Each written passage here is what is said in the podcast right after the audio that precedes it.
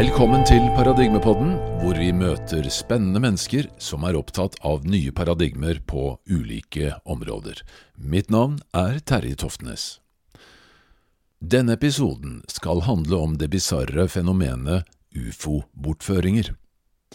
The point here is that my colleagues and I have heard directly from thousands and thousands and tens of thousands of people over the last 20 years about uh, their abduction experiences. And so we know that uh, this is a very, very, very prevalent phenomenon throughout, uh, probably throughout the world. Og dette sier altså David Jacobs, som i dag er pensjonert professor fra Temple University i Philadelphia. I tillegg til å være professor i amerikansk historie, er han en av verdens mest kjente etterforskere av nettopp ufo-bortføringer. I over 40 år har han studert dette fenomenet gjennom annet hypnoseseanser med mennesker som hevder å ha hatt slike opplevelser. Dette har resultert i hans fire bøker om temaet, med et mildt sagt grensesprengende innhold. I samarbeid med sin kollega Bud Hopkins, som vi senere også skal ha en egen podkast med her i Paradigmepodden, har han undersøkt flere tusen tilfeller av UFO abductions. Jeg fikk besøk av ham i hans hjem i Philadelphia i 2009 i forbindelse med vårt filmprosjekt om det globale ufo-fenomenet, og gjorde et to timer langt intervju som vi skal høre første del av i denne episoden. Filmen vår The Day Before Disclosure kan du se i norsk utgave fra nettsiden paradigmefilm.no.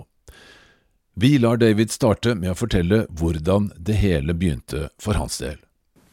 Uh, I first became interested in the UFO phenomenon when I was an undergraduate in college. Uh, uh, this is in the mid 1960s, 65, 66.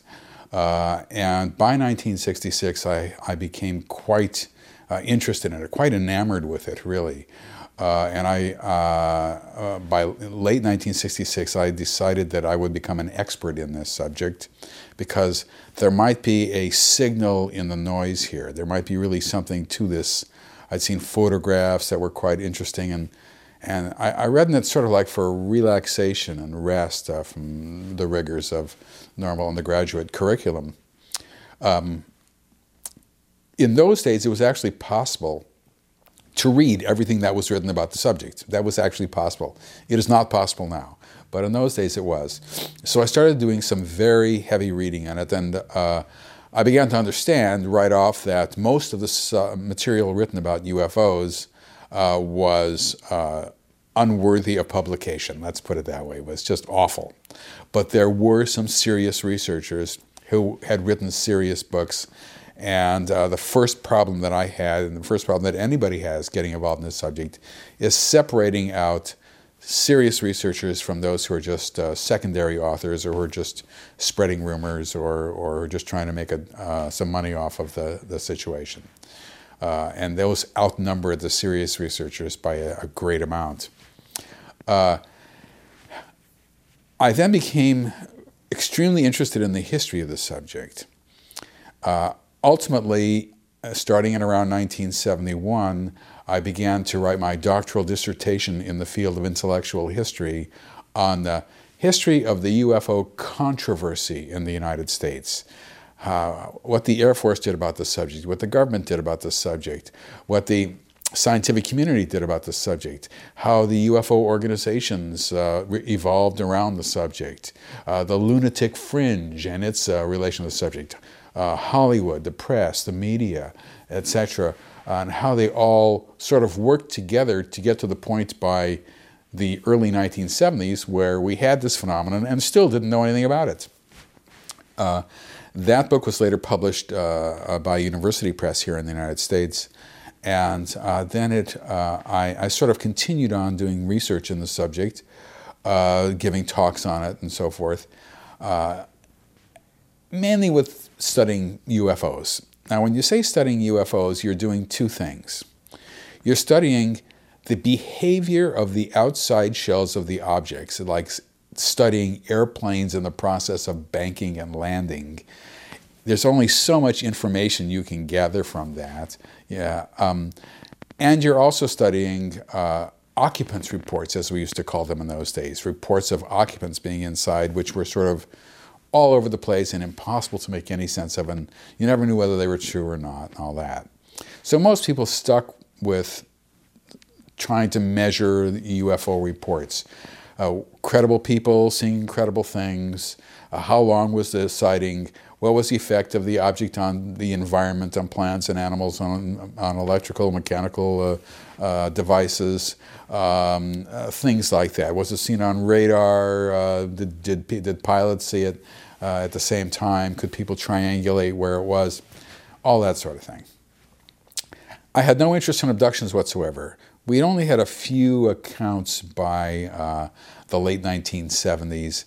They were very scattered. I'd read uh, a couple of books on the subject. Uh, it impressed me as being primarily psychological. Uh, and I didn't know what the reasons for the psychology was, but it was obviously, to me, something that was just emanating from a person's mind. Uh, then I met, I met Bud Hopkins. Now, Bud Hopkins had published a book called Missing Time in 1981. And when I met Bud uh, in 1982, and of course I had not even read his book yet because I had no interest in the subject, um, he impressed me as being exceptionally intelligent, and he was using a psychologist at the, at the time to do hypnosis. And I met some of the people he was working with, and I must say I was impressed. It was different than what I thought it was going to be. And, uh, and he invited me up to his house since he doesn't live very far, Philadelphia and New York are only 100 miles apart. He invited me to his house, and I uh, met some abductees. I'd never met an abductee before. And they were sane, sensible individuals. Uh, and uh, this was an event that was happening to them, or that had happened to them, way outside of the normal course of their lives. It wasn't something that uh, they were completely involved in in every way, so almost as a religious matter or something. And so it, uh, I began to realize he was onto something here, that he, he, he, he knew what he was doing and he was onto something. And I realized that the abduction phenomenon was more important than I'd originally thought, and I started to read up on it as much as I could, although there wasn't much written. And I began to come to his sort of abductee get togethers in New York, and then I decided that if ever I was going to learn about this subject, I would have to do hypnosis. Because for some reason or another, people remember what happened to them with a sort of relaxing atmosphere, and they don't remember otherwise. So I learned how to do hypnosis, and I started to do my own hypnosis of abductees uh, in 1986. Uh, and uh, I've done uh, over a thousand sessions with about 140, between 140 150 people uh, over those years. So I work with people for long, long periods of time, sometimes for many, many years. And, uh, uh, and ultimately, it's sort of the tail that wagged the dog. I've, I, have ultimately dedicated my life to studying the abduction phenomenon, and, and that's what I've been doing since that time. But you're also teaching it, uh, and this as a um, um, special course in, at the university. Could you tell me a little bit about that too? Starting in 1977, I began to teach a course at Temple University in Philadelphia called UFOs in American Society. It started out as a course within the Department of American Studies, and now it is listed with history as well. And uh, it is the only course in the nation, if not in the world, uh, that is a regularly scheduled, uh, uh, full credit university course on the subject that can be used for graduation credit. And I've been teaching it approximately once a year since 1977, sometimes a little less, sometimes a little bit more. Uh, it's uh, been written up uh, throughout the country. It's been in the New York Times. It's been in magazines. It's been here, there, and everywhere, much to the great embarrassment of the administration. but um, one of the strange things that has happened with this phenomenon is that UFOs and abductions have not been accepted by the scientific community, as we all know, as a legitimate field of inquiry. And in fact, over the years, the antagonism towards the subject has strengthened in the scientific community. uh, particularly with abductions. And so it's become more and more difficult to teach the course, and and uh, uh, the the faculty at Temple University uh, thinks that uh, this is a waste of time, and they of course uh, call my own quality of mind into question. And uh, it's it's been a little bit of a struggle to teach it, I must say. Would you think that that's the case also with other researchers that they are, you know?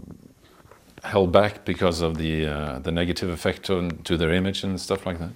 If a person is a researcher in the field of UFOs and abductions in a university setting, uh, they must find that uh, UFOs are non existent and that abductions are psychological. If they find that, they might have a career. And I say they might have a career because if they find that, they're finding what everybody assumes to be true anyway, and therefore they have wasted their time. If they find that UFOs might be anomalous phenomena, you know, artificially constructed, intelligently controlled phenomenon that we have not made, um, and that abductions might in fact be happening, they will not have a career in academics in the United States. Period. That will not happen. The only way that you can do anything with this subject, if you find it to be positive, is after you get tenure. Here in the United States, you are voted to have job security after six or seven years at a university. And that job security protects what you can teach and protects what you say in the class, in the classroom.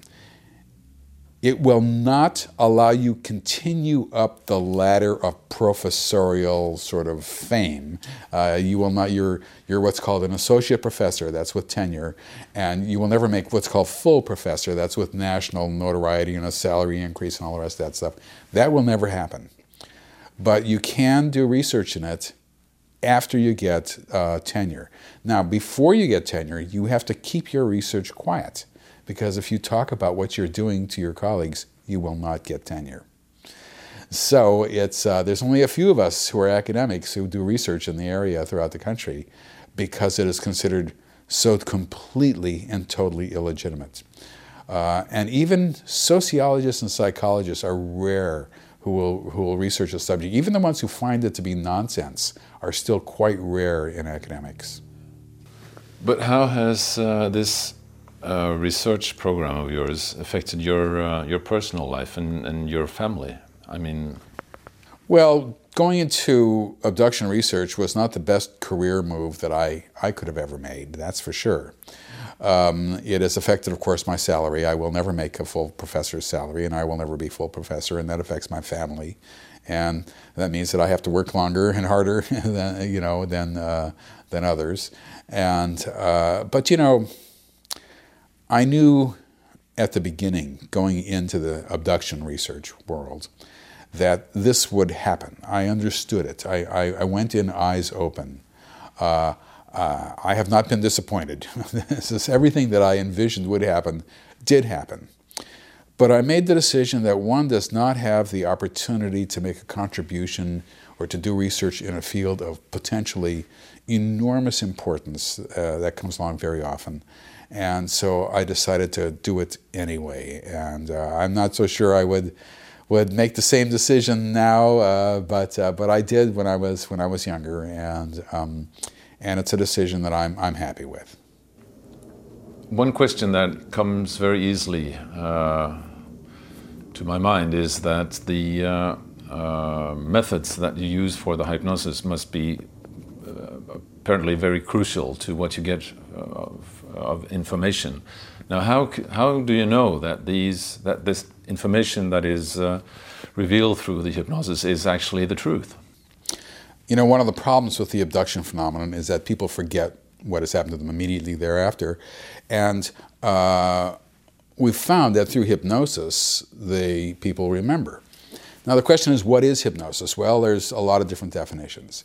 The hypnosis that I use is just simple relaxation techniques that anybody can use, that people use to fall asleep at night, just to relax their body, relax their muscles, and just to sort of go into a really relaxed state, and that's it. They're not asleep. They're not in some sort of trance. That's a misnomer. They are. They're completely aware of everything. They're aware of the questions I'm asking. They're they're thinking over the questions and whether they want to answer the questions. Uh, they get up. They go to the bathroom. They lay back down on the uh, couch. It doesn't, it doesn't matter. However, they do start to remember.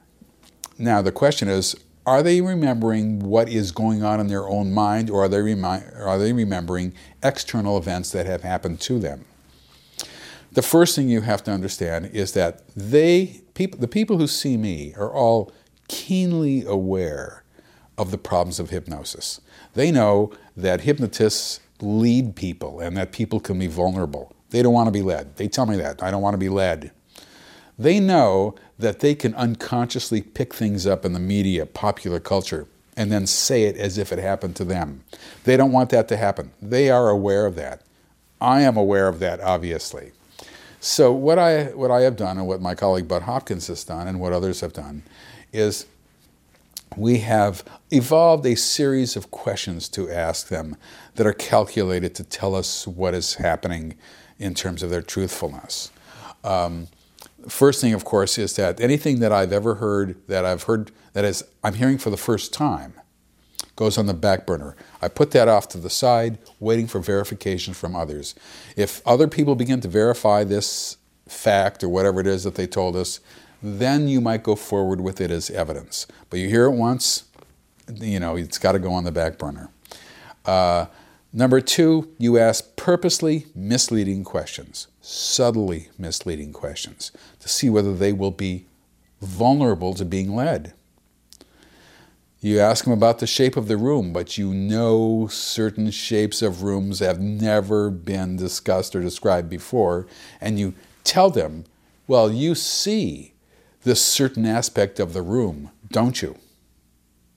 If they say yes, then there's something wrong, because we know that nobody has ever seen that or we'll say things uh, like the like the, the, the faces of these aliens. Well, uh, you can. I'll say something like, well, most people describe seeing sort of a, a flat, broad chin. You can you see that too, don't you, on these aliens? Well, I've never heard had that described to me, but I tell them that, and if they say yes, there's a problem. Uh, most of the time they say, no, no, no, no, it's not like that at all. Or they say, no, the, the, the wall doesn't look like that, the shape of the room, no that you're looking for the nose. You're looking for, they're not going to be led. They're not going to fall into my trap. You recapitulate what they said, but you get it subtly wrong. Now let's see, you're saying X, Y, Z, A, B, C, is that right?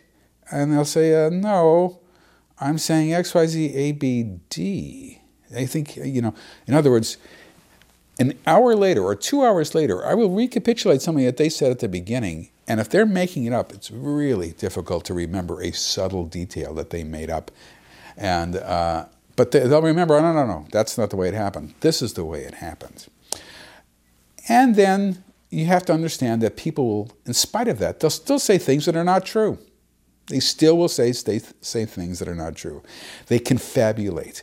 And I've learned that they tend to confabulate in certain areas, and they tend confab- to confabulate at certain times. This is especially true of the first session. It is also true of the second session, less so of the third, much less so of the fourth, and then almost non existence later on. But in the first session, people tend to say all sorts of things that are not true.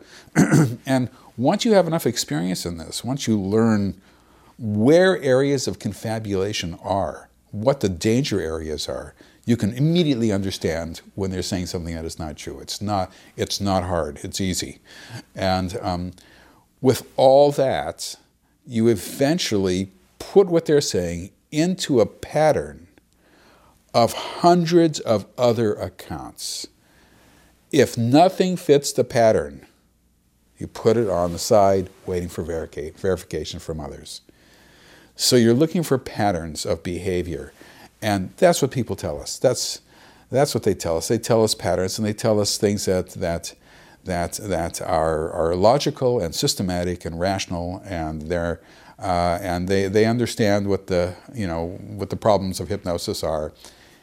It's not as if we are simply listening to everything they are saying and accepting it at face value. I learned early on that that is a fatal mistake. The, the mistake is not to be skeptical, and you must be skeptical of what they say. And once you learn about the abduction phenomenon, you have enough knowledge of it, you understand the reasons for that skepticism, and you also understand when you can accept what they say as well. And I'm at the point right now when it's going to be very difficult to say things to me that I haven't heard before, I must say. And uh, uh, the vast majority of information about the abduction phenomenon has never been in the media and has not been written about. So uh, when they discuss things, you know, if they're talking about stuff that has never been written about before and you have a backlog of information about it, and they're describing it in great detail, just like other people have, then you have a certain amount of confidence that you can go forward with this as additional evidence that this event is happening. And that's how you sort of do it.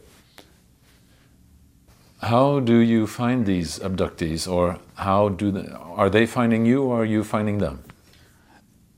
I don't have difficult, difficulty finding abductees.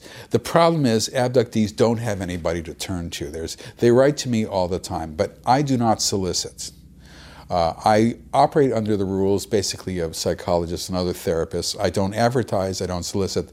They have to find me. They can find me through my website, they can find me through books that I've written, uh, through Temple University or whatever. But I do not solicit, nor do I charge money for anything that I do, and I never have. Uh, everything I do is free, and uh, people sign releases and so forth. They have to fill out a questionnaire for me. I have to make sure that they are not suffering from mental instability. I'm not equipped to deal with people like that.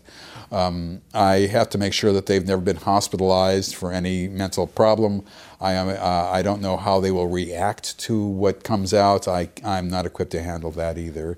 Uh, they have to have, have had a certain amount of odd experiences for them actually to get to me. If they answer no to everything on the questionnaire, then I'm not going to work with them. I try to sift people out who have who are not abductees. And uh, every once in a while, somebody will get through who's not an abductee, but uh, 99% at least of the people who I've worked with have been abductees through the filtering method, and that, that's important. You cannot just accept anything that anybody says uh, even remembering at face value. How many people, or how many percent of the people who contact you are filtered out uh, by this method?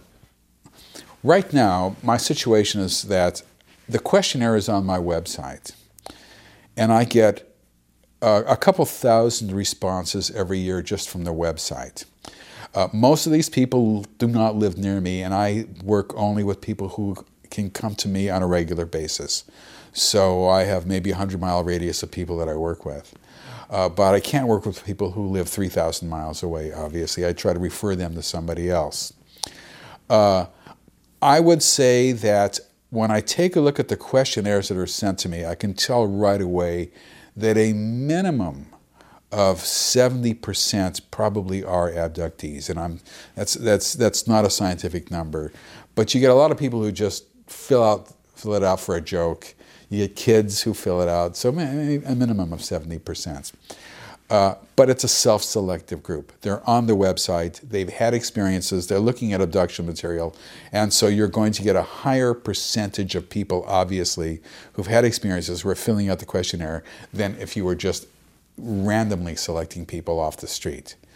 So it's, a, it's actually a pretty high percentage, I must say. But that's not what would allow me to go forward with them there has to be a certain mental set that I can deal with. I, I, I cannot deal with people who are mentally unstable, whether they're abductees or not. Uh, and uh, I, uh, I, maybe I'm elitist, but I prefer to deal with articulate, intelligent people than people who are not very articulate. And uh, uh, uh, however, I deal with, I do deal with, of course, everybody and anybody, and they all say the same thing anyway. Uh, I, because I'm an academic, I have dealt with uh, a, a, fairly substantial number of people who have PhDs and MDs and, and who are attorneys and, and people like that, psychologists and, and psychiatrists and all. Um, they say the same thing as people who've never been able to hold a job. Uh, it's all the same. It does not matter. This is a phenomenon that cuts across all class lines, educational lines, racial lines, um, uh, ethnic lines, religious lines, economic lines, apparently national border lines. Uh, it cuts across uh, almost everything. Everybody says the same thing. Uh, I will hold sort of get-togethers in, in this house for uh, for abductees, and you get them in the same room, and you think, how, what, how, what could all these people be here for? They're so completely different, but they all have this one thing in common. And uh, I've worked with people who dropped out of school when they were 12 years old, and uh, and never went back. And I worked with people who have medical degrees and so forth, MDs, and they all still say the same thing. That's the one thing they have in common. They've all had these same experiences in common. And they've all thought that what was happening to them was crazy, they couldn't be happening, it's not possible. Uh, they've all been through that sort of psychological route of questioning themselves and, and trying to understand what's going on with them. And uh, uh, so uh, there are an awful lot of people out there who've had these experiences. How do these people uh, recognize their own experiences? I mean, how uh, are they usually um, aware of them? Well, the abduction phenomenon, contrary to popular knowledge, begins in infancy and goes into old age. We don't know at what point it stops. But we know it begins in infancy because parents are abducted with their babies. And so we know that that's, that was, that's what happens. And we know that this is an intergenerational phenomenon.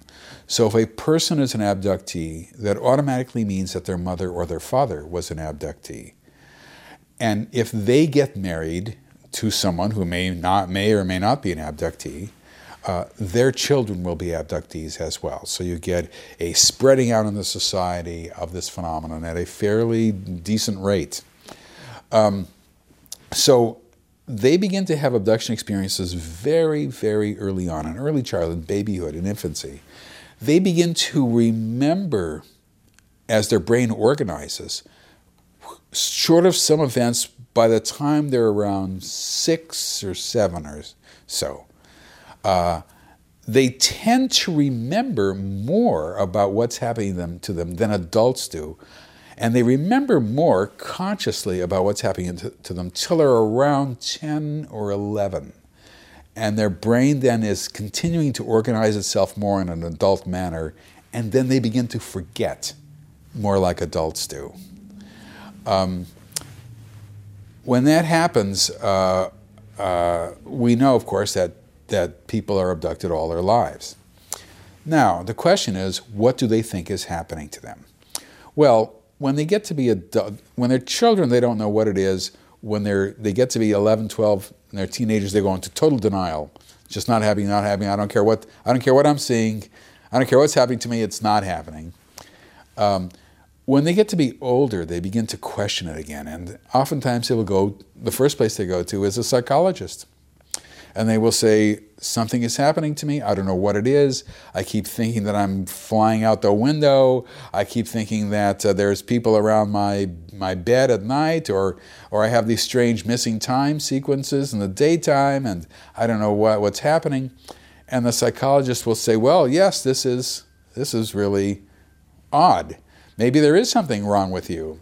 And they'll think it's something, some delusional phenomenon, or they'll think that it's uh, sexual abuse in childhood. That's still a favorite among uh, psychologists and psychiatrists, sexual abuse in childhood. And they'll work and work and work and work, sometimes for years, to get at the sexual abuse and, and all that. And the phenomenon continues to go on while they are working with the psychologist because it happens in great frequency all the time. So they realize after a while that the psychologist is not helping them stop this phenomenon, it, and there is no sexual abuse in their childhood. Or maybe there was sexual abuse, but they remember it quite clearly. It was an uncle, it was a friend. They, from the age of seven to 12, they, they remember it, you know. Uh, it's not like it's been suppressed. So they continue as psychologists, but it keeps happening. Psychology, normal therapy will not affect this phenomenon at all. Not at all. It has No effect on it, period. So they then oftentimes will go to their religious leaders, clerics, priests, ministers, rabbis. And oftentimes, not always, but oftentimes, they will get a diagnosis. And di- the diagnosis is you have been, you are a victim of demonic possession. You've been possessed by devils. And for a lot of people, that's good because they know it is something from the outside that is happening to them. That, that they know that it's not coming from them, that devils are possessing them. That, that makes sense. Then they get a prescription. And the prescription is pray it away. If you pray hard enough, it will go away. That is your prescription. So they go home and they pray and pray and pray and pray and pray. And of course, it doesn't go away. It does not go away. So they go back to the minister or whoever and they say, It's still there. It's still happening to me. Well, there's only one reason why it's happening to them then. They're not praying hard enough. So they have to go back and then redouble their efforts to pray. And so they pray more than ever. They spend all their, all their time praying, and it still happens to them. Unfortunately, religion has no effect on this subject whatsoever. Other people, maybe the same people, but other people will go to the New Age world. And in the New Age world, there's channeling. People get people can get in touch through telepathy or in some waves or whatever it is with aliens in space. And, uh, and there's this whole sort of alternative reality world in the New Age world. And for a lot of people, that resonates with them. They like that. that they, they understand now that this is happening to them and they're in contact with a higher form of reality and the, these and channeling tells them that these are, are good, benevolent beings who are bathing them in love. And, uh, and this is a wonderful, wonderful thing. Now, they don't know why they go home scared to death every day of their lives after this, but, but it helps them to cope. It helps. And when you go to new age, the New Age groups, there's oftentimes an awful lot of abductees there who are searching around for a, a meaning to what has happened to them. channeling is a dissociative state where one part of the mind gets in touch with another part of the mind and interprets it as coming from the outside. That is my interpretation of channeling. That's as good as it gets, I think. Uh, we have learned through hard experience and through many years of looking at channeling that channeling has absolutely nothing to do with the abduction phenomenon whatsoever and has no effect on it at all. Once people come to Bud Hopkins or to me or to other serious UFO researchers who can take a cool, clear eyed look at exactly what is happening and have them remember exactly what is happening to them, that's the end of the road. They don't go on from us to other groups. That's it. That is what is happening to them, and they know it. Their search is over. The quest is now over with. And then they begin to try to cope with this phenomenon and become engaged with the reality of it as best they can and get on with their lives as best they can, free from having to obsess on it at all times, knowing that it will continue to happen regardless of whether they know it's happening or not. Years ago, we used to have a model of the abduction phenomena, and the model was basically the experimental model. This was a one time adult onset phenomenon, a sort of there's one, get type of situation, uh, where they'd be swooped down upon, grabbed, and examined. This is an examination, an experiment, a study, a learning situation. Uh, that model never held. We held on to it long after it was outmoded, but the evidence never showed that. It did not show that. The more we knew about it, the more we realized this was not, in fact, uh, uh, an experiment. And one of the reasons was the frequency in which it happened. It wasn't a one shot adult onset phenomenon. People would have many abductions in their life. They would come to us with maybe three, four, five, ten abductions in their life that they remembered. But then they also had all these other experiences. They saw a deceased relative who stood by their bed one night. They had a missing time sequence that they couldn't connect with anything. They were driving along on the road, and it's two hours later, and they're in the same spot on the road, and they're still driving which makes no sense whatsoever, of course. And um, uh, they would have these kinds of experiences that they wouldn't connect to the abduction phenomenon. When we take a look at those, those would be abductions. Then, by 1992, I began to, to realize this was happening very, with, with much greater frequency than we had ever imagined. And so I began to work with a group of people who were sensitized to odd things that were happening and would write in a journal every day what was happening to them. The least amount of abductions that I got in the case of a person over one year was 11. That was the least. That is a number that is so ridiculously infrequent, as I have learned, that I cannot trust that number. I went ahead in 1992 when, with my book Secret Life, and I wrote that it could happen as no, I guess I wrote it in the threat in my book, The Threat, that it could happen uh, as many as 150 times a year, once every couple of days, or 100 times a year, three once every three days. Uh, the numbers are are ridiculous. They are they are crazy. But people can be abducted on a daily basis at night and then have terrible sleep deprivation problems. Uh, uh, it's, it's the number of, the frequency of, of abductions has increased over the years. Increased, not decreased or stayed steady, which is what we would expect staying steady. But in fact, people have reported to us that it has been increasing uh, to our amazement so it's, uh, the frequency can be extraordinarily high. Life ruinous, ruin people's lives, just the frequency itself. Just the problem, if it happens at night, of sleep deprivation is a serious problem. But the disruption in their lives is, is tremendous. It can be overwhelming. Uh, and uh, it's something that we have no control over, can't do anything about. Uh, and I just sit back and listen to people telling me this, and there's absolutely nothing I can I can say or do for them. It's awful. Do you have a feeling that the people that are coming forth with this and that uh, who are able to reveal what's happened to them through hypnosis, are they uh, in a better shape of coping with their life afterwards than they were before? The question that I have often wondered about for abductees is is it better to know or not to know? I am of two minds of that. For some people, it's better to know, and for some people, it's not better to know. I think. I don't know. Each person has to make up his or her mind individually about that. I still come down on the side of it's probably better to know.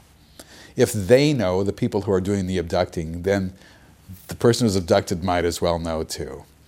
It answers all their questions. They don't have to float around in a never, never land of not knowing what is happening to them, but knowing something is happening. They know what it is. But it's a close call. It is a close call. I, I, I'm, I'm, I'm, I, go back and forth on this. Uh, most people who I've worked with are satisfied. They, they feel that it is better to know. But uh, I'm just not sure. I, I used to say, yes, yes, yes, it's better to know. And I'm weakening on that. I, I don't know whether it's better or not. Uh, do you find that many of the abduct abductees are cooperating with their uh, the aliens, or, or are they resisting this all the time? All abductees cooperate. The problem here is that there is a neurological change that is affected in them immediately uh, at the onset of the abduction, which might be uh, when they're sitting watching television and then they can't move, or they're sleeping, or they're driving a car, or they're at a picnic, or whatever it is, uh, they are rendered passive. Without the ability to render people passive at the beginning of the abduction, there would be no abduction phenomenon. They would run and call the police. They would get their husband or their wives or others, or they'd get a gun or whatever it is. They would stop it. It would we, we'd know about it. it. There wouldn't be an abduction phenomenon. So that must happen, and it does happen. Throughout the entire abduction sequence, they are also passive. They can walk down a hallway, but they cannot run. They can move their arms, but they cannot swing. Uh, they swing their arms, that is. They um, do not talk normally. They speak, everything is telepathic. Uh, they have had this happen to them since they were infants, so they know what is happening during the event. Uh, remembering it is frightening. When it's happening to them, it's not as frightening as remembering it later on. And eventually they get used to remembering it also. Um, but the point is, is that they are out of control. The control is passed to the abductors. Therefore, they cooperate. They have no choice. They know that they must go into this room and get take their clothes off, and they do. They know that they must come with a small alien and walk to another room, and they do. They know that when they see a table there, they know they must get up on the table, and they do. They know they have to lie down on their backs, and they do, etc., etc., etc. Whatever is asked for them, they do. So they all comply. They are, are all in compliance in the typical abduction scenario. Having said that, every once in a while somebody will snap out of it. That happens. I call it the King Kong is loose syndrome. They snap out of it and they run. But they run down the hallway. There's no place to run. There, you can't. You're not going to run off. Uh, but they, they, they, they get panicky and they run. Sometimes they've tried. They, they, they have done violence to the gray aliens, uh, kicked them, uh, hit them, um, uh, done all sorts of things that they can do. Um, it's rare. It is rare. It will happen every once in a while. There is a standard operating procedure to deal with this by the aliens, the abductors. They know how to deal with this. We've seen this happen enough times so that we know that the smaller aliens move away from the person who is out of control. A taller alien comes in and gets the person into control uh, so they continue on with the normal routine afterwards. Well, um, can you, um, from what you have recovered of information, which, which I guess is must be enormous over those years, overwhelming. Yeah, can you describe the uh, the alien creature? Is it first of all, is it just one type of alien who is doing this? I mean, I've heard that there are several types of races uh, visiting the Earth, or you know, uh, what is your uh, impression of that? Well, you know, one of the one of the first things that people ask uh, uh, that that inexperienced hypnotists or incompetent hypnotists ask people in their first session is, "What do they look like? What do they look like?" Well, one of the great areas of confabulation is uh, is describing what aliens look like, particularly in the first session. Oftentimes, people only have one session, and then they confabulate. Basically, though, after doing over a thousand sessions with people, uh, and look, uh, I can say with certainty that there are several types of aliens that are described. Very small gray aliens, maybe three feet tall. Taller gray aliens who do most of the specialized procedures on the abductees. Aliens who are taller still and who look very much like insects, insect like, like praying mantises, people say oftentimes, and who seem to be in control of the situation some other beings who people variously describe as sort of in, uh, uh, sort of uh, reptilian-like, although um, uh, that has different meaning to different people. And uh, and when they draw drawings of these, you realize that there's that they're subsets of these these other beings. Uh, and then people, and then beings who look more human-like. What the bottom line is, is that they are all together all doing the same kinds of procedures, all working together, all working for the same goal, and usually on board the same object together. We do not see any other program of this type happening, and we do not see any other beings who are involved with a different program. Everybody is working for the same goal. That's your critical event. there are people who say there are 246 different kinds of aliens visiting Earth. There are 87 different kinds of uh, aliens visiting the Earth, and all that sort of stuff. Uh, and the answer to that, to that is that they do not know what they are talking about. I can say that absolutely. And, uh, uh and it's not that I have a, uh, a, a, a sort of straight line to the truth.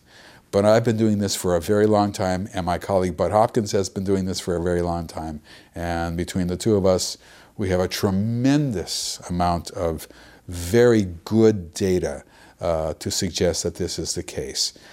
If there were other aliens with other agendas doing other things, my guess is that we would have uncovered that from time to time. But we haven't. Yeah, we see the same thing over and over and over again. Uh, the problem is hypnosis. The problem is people don't know how to do hypnosis. They can't rec- recognize confabulation.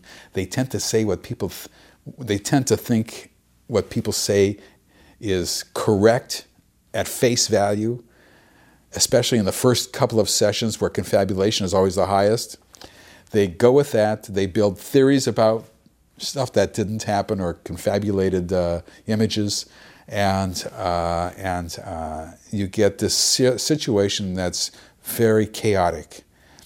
And the problem is there's no standardization of, of methodology. Nobody knows exactly what to do. Uh, I've written a 250 page manuscript, unpublished so far, about how to do hypnosis of abductees. Uh, and uh, until that is published, uh, it's still going to be a kind of wild and woolly atmosphere out there where uh, everybody uh, and his or her cat can do hypnosis if they want to. And there's no oversight, there's no uh, credentialing in this. There's no there, there there's no institutional uh, um, um, attachment in these situations.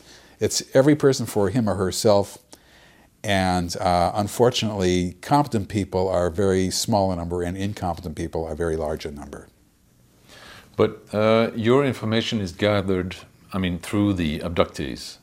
And uh, let's say that there is one alien race that is uh, uh, conducting this condu- uh, abductee program. But that does not exclude the possibility that there might be other visitors uh, who are not, you know, showing themselves because they are not going through the uh, have any connection with this, you know. Of course, it is always possible that there could be others around who don't have any connection with this. Uh, I'm not. I'm not saying that there aren't. I, I don't know. Uh, um, all I'm saying is that in the abduction phenomenon, we see what we see, what I have described. Uh, the gray aliens, some of the somewhat more human looking ones, the ones that look somewhat more insect like, the ones that look somewhat more reptilian like, and we see them working together.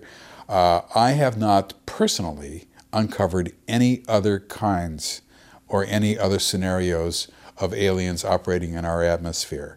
Uh, my guess is that I would have stumbled upon that uh, uh, if it was involved with abductions. They may be here and not involved with abductions and not involved with any interference in our lives, and we would never know it. Okay. Yeah, well, um, then I was going to, to ask you uh, what is their agenda and, and so forth. I know that's probably a long story, but. In a typical abduction scenario, a person is removed from his or her normal environment they're taken on board a UFO. Uh, they uh, their clothes are removed. They are um, uh, placed on a table. An examination is given. We used to think the examination was the reason for the abduction. We've learned many years ago that the, the abduction, that the examination is is never the reason for an abduction.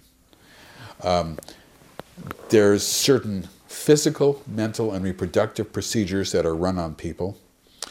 Uh, they have this neurological engagement with these beings, these aliens, where they say that a person is staring at them and they'll be staring at them from a distance of maybe an inch or touching, touching foreheads. they can't close their eyes, they can't turn their head away, uh, they can't uh, avert their gaze, they can't look away. Uh, and we've learned that what they're doing is a, is connecting to the optic nerve and using that as an as a conduit to go to other neurological sites within the brain and do whatever it is necessary for them to do, which is to look at memories or to alter the person in a certain way or, or whatever it is that they're doing. Uh, that happens always, it's constant. Um, sperm is taken, eggs are removed.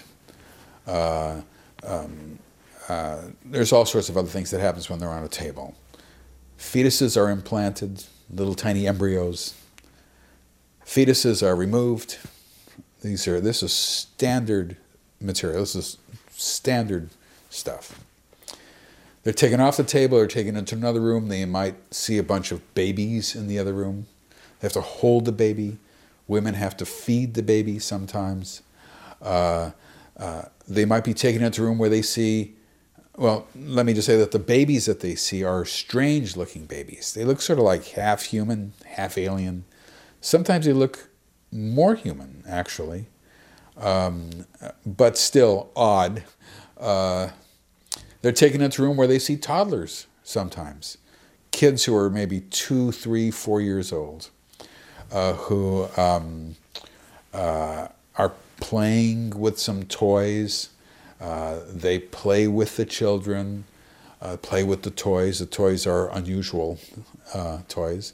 Um, they uh, have these neurological staring procedures with the children who will look into their eyes very closely. They uh, might have other procedures where they'll see a room filled with vats, jars, I should say, containers, clear glass or clear plastic or whatever, containers with fetuses in them in different stages of development. Um, they will uh, have all sorts of other procedures that are that happen to them. They're then taken back to their normal environment, put back where they were on the couch watching the television or whatever, and they forget immediately what happened to them. All they know is that they they were watching one television show, and not only is that show over, but the next two shows are over with as well, and they're still sitting there, and maybe they still they put the can of beer in their hand, they still have the can of beer in their hand, and they figure, what what happened? Uh, and then they just forget it, can't explain it, and they just move on. Now, over the years, the scenario has subtly changed. People will be brought into a room and their attention will be directed to a screen like device. And in the screen, on the screen, they'll see a normal scene of everyday life. Let's say it's a, a, an outing at a park a picnic, as they say. There's people who are making food on a, on a grill, children who are playing ball, there's uh, people talking, and they might be standing in a room with maybe 20 other abductees, maybe 30 other abductees.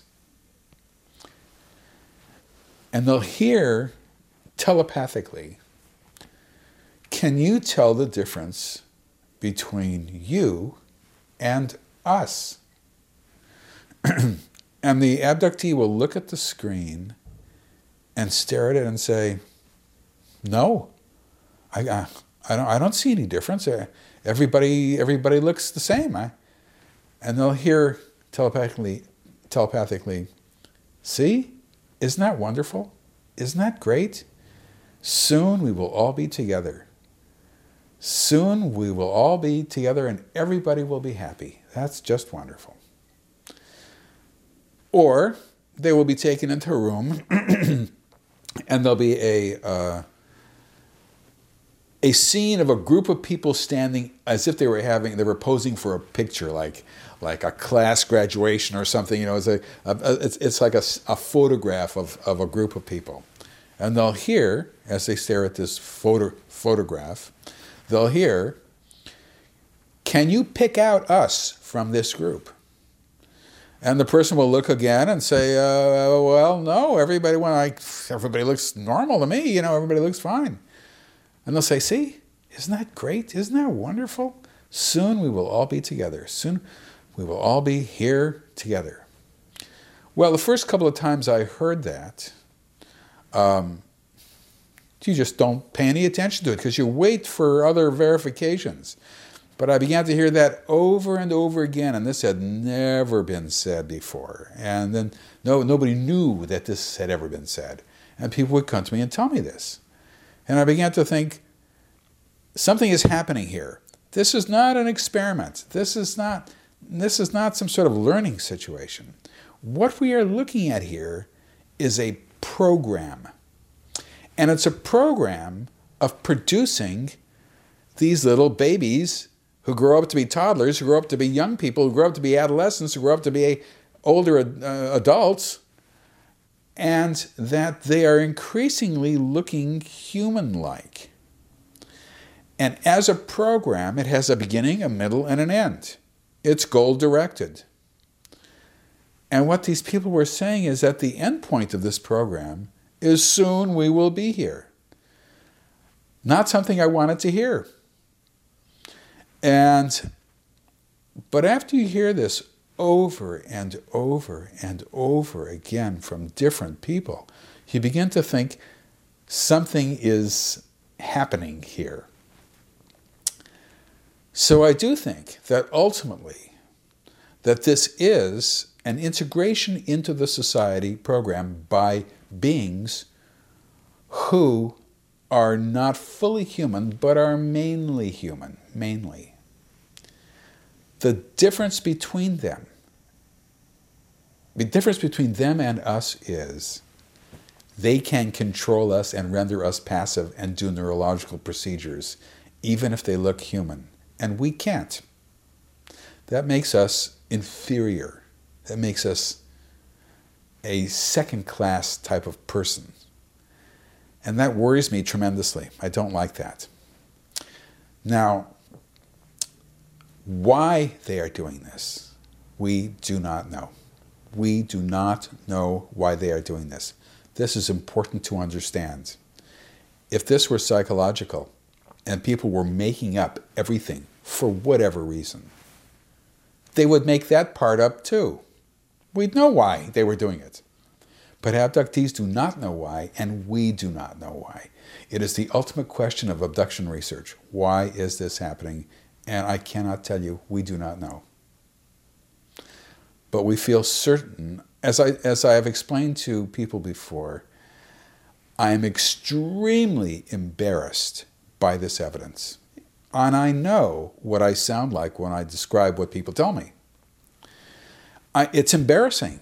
I, I can't talk about this with people, it's, it's crazy. But I am extremely confident of the data. And as an academic, I must go where the evidence leads me, even though I don't want to go there. I don't want that to happen. I don't want to go there. I don't want to sound crazy. And yet I'm required to. I must. So I have come to the conclusion, based on the evidence that I have seen, that this is an integration program into the society for reasons that I do not know.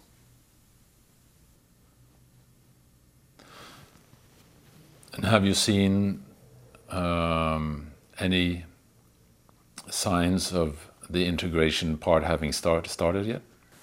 People have people have described the integration part started. We're very early stages. We need more information before we can go forward with this. This is something that I'm actively working on now.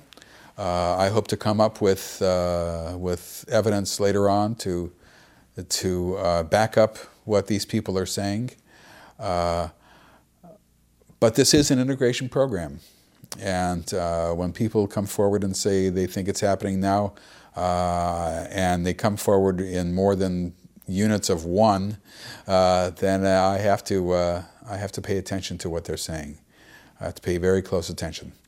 Uh, but we're still in the early stages of learning about this aspect of the program.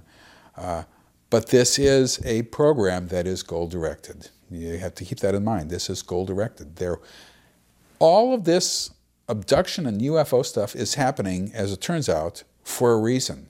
The reason is not, from what we can tell, that this is just a way station on their way somewhere else, that this is just a reconnoitering uh, kind of a phenomenon where they're just looking us over and learning about the flora and the fauna.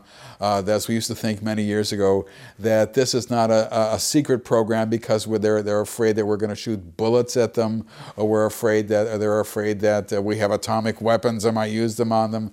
Uh, none of those theories are, are, are in evidence. They're, they're, they're all thought. There, there's no evidence behind any of these theories.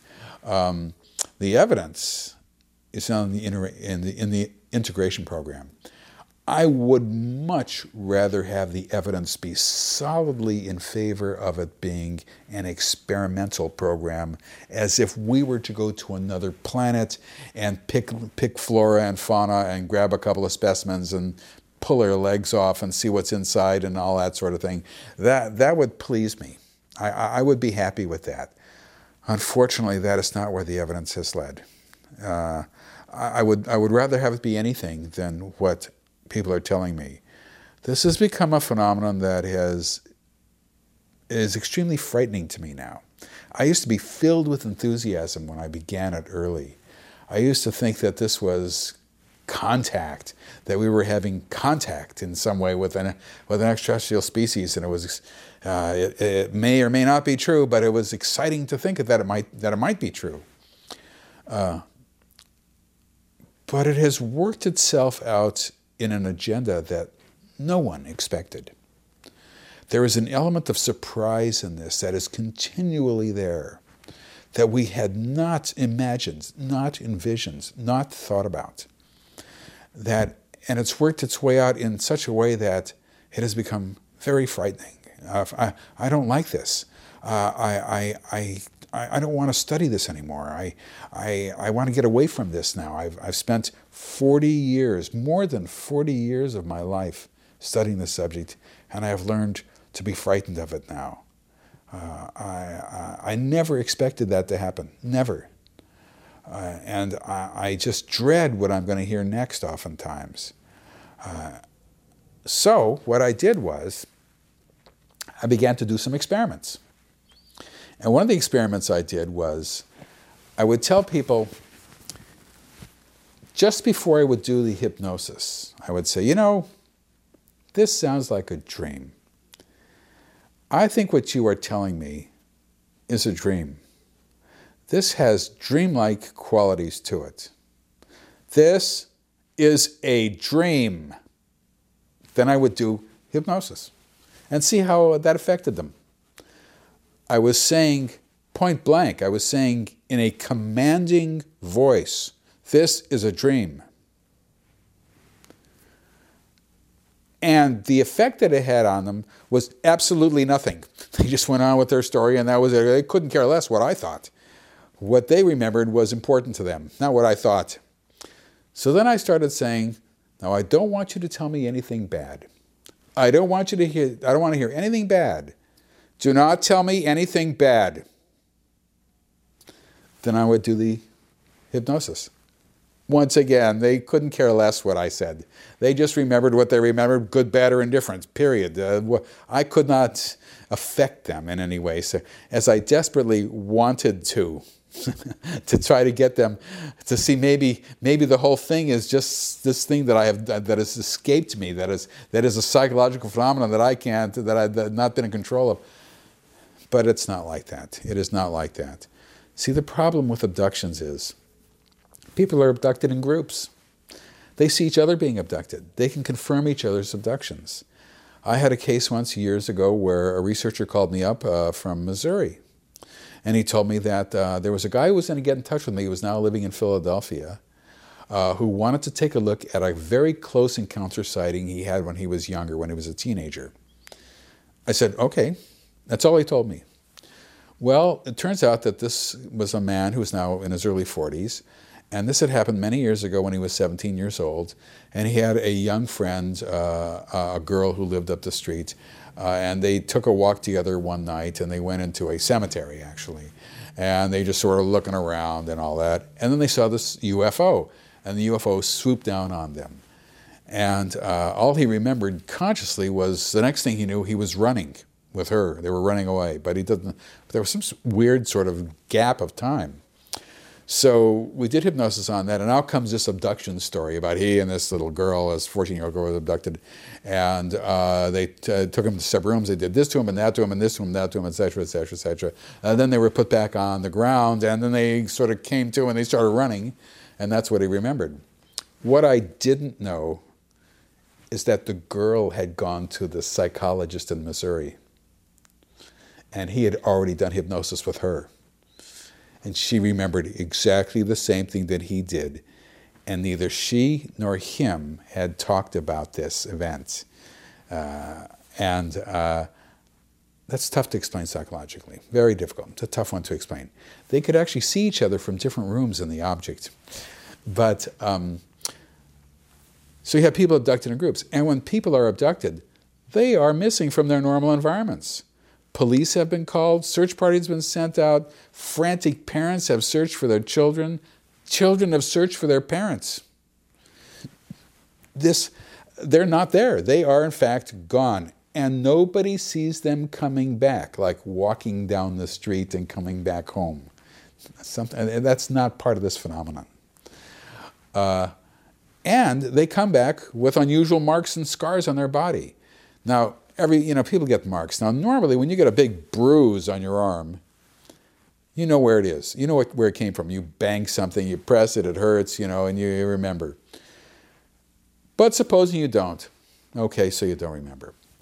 Well, supposing you come back and uh, supposing you have a scar on your arm, you're going to remember that. A scar is a trauma. If you have a scar, that means that you were cut deeply enough for actual scar tissue to form, as opposed to a cat scratch or something where it's just going to go away. Uh, and if you have a scar, let's just say when you're a kid, it's going to be serious trauma. You might have to go to the hospital, you might have to get stitches. And if you don't remember it, your parents are going to remember it. It's going to be a scar through their brains too. But with abductees, they'll come back with fully formed scars fully formed. This is biologically impossible. They weren't there the day before. And they will not know how they got it, and neither will their parents. That is just unlikely. Let's just say that is unlikely. Normally, you're going to have a wound, you're going to have a bandage, there's going to be blood, it might be dripping down. I mean, this is going to be a scar. And uh, you're going to tend to remember that, especially if it's on your face. I interviewed a guy once who had a very long scar on his face. I said, How did you get that? He said, I don't know. Well, you, that's not an answer. What do you mean? You don't know. You've got a scar that's four inches long on your face. I said, When did you get this? He says, When I was 12. He says, I just woke up and it was there. I said, that, That's not possible. What do you mean? That's, you're talking about something that's not biologically possible. But it was that way, and he was an abductee. People come back with broken bones. Now, normally, if you're asleep at night, for example, and you break a bone, you might wake up. That might tend to arouse you from your sleep. How you would break a bone would be difficult to understand. The way in which you would break a bone would be let's just say if you're sleeping next to a wall and you would throw your arm hard as you possibly could over against the wall and you might break a bone. That's possible, I guess. You would wake up instantly saying, oh my God, oh, oh, oh, oh, that would happen. This is not that way. This is people would wake up in the morning and they were, what's wrong with my arm? It hurts. And then they go to the doctor and they take an x ray and there's a fracture. And it's like, how did that happen? This sometimes would happen with people with their foot. Now, it's once again, I guess you can figure out a scenario where somebody would break their ankle or something like that. Uh, but in fact, these are all abduction related material. This is abduction stuff. It's not usually caused by the aliens, it's caused, it's usually an accident that happens in some way. Uh, but, for example, uh, a woman might uh, or a man might fall down and they break their fall with their arm and break their wrist. That, that's happened. That's, that's something that's happened. Uh, or they return when they're without their clothes, or their clothes are on backwards, or their clothes are on inside out, or they're wearing somebody else's clothes. And when they come back wearing somebody else's clothes, the shock is so great, I, I cannot describe to you what the, the shock is like wearing somebody else's clothes. It's who those, a person who they don't know, they live alone, whatever, you know, I mean, it, is so shocking. It's shocking for everybody. And that does happen too. Uh, so it's very difficult to describe these things as psychological when you're dealing with those kinds of phenomena. You must take those into account, all of them. You must take them into account for all psychological uh, um, um, explanations for this phenomenon. You cannot ignore that. It's part of this phenomenon. Uh, so, when everything is taken into account, and you begin to understand that this is a program, not an experiment, and that this is physically happening to people, and there is no psychological explanation for it that fits the data, that fits the evidence. Although there's many psychological explanations for it that doesn't that don't fit the evidence, there's plenty of those. There are, there are a dime a dozen. They're all over the place. If it, as long as it doesn't fit the evidence. But if it, but there's none that fits the evidence. And therefore, you have to go with the easiest um, explanation possible. And the easiest explanation possible, the one that fits the evidence, is that this is actually happening to them. And they are, in fact, having these experiences as they have described them. Takk så langt til David Jacobs. Andre del av dette intervjuet kommer i neste episode av Paradigmepodden. Her vil han blant annet gå dypere inn i hva han tror er agendaen bak dette fenomenet, og hva det kan føre til for menneskehetens fremtid. Følg med, følg med. Så vil jeg bare minne igjen om vårt vips nummer som er 524005, 524005 for de som vil støtte oss videre. Vi er selvfølgelig hjertelig takknemlig for all støtte til dette arbeidet. Så sier jeg bare på gjenhør i neste episode av Paradigmepodden.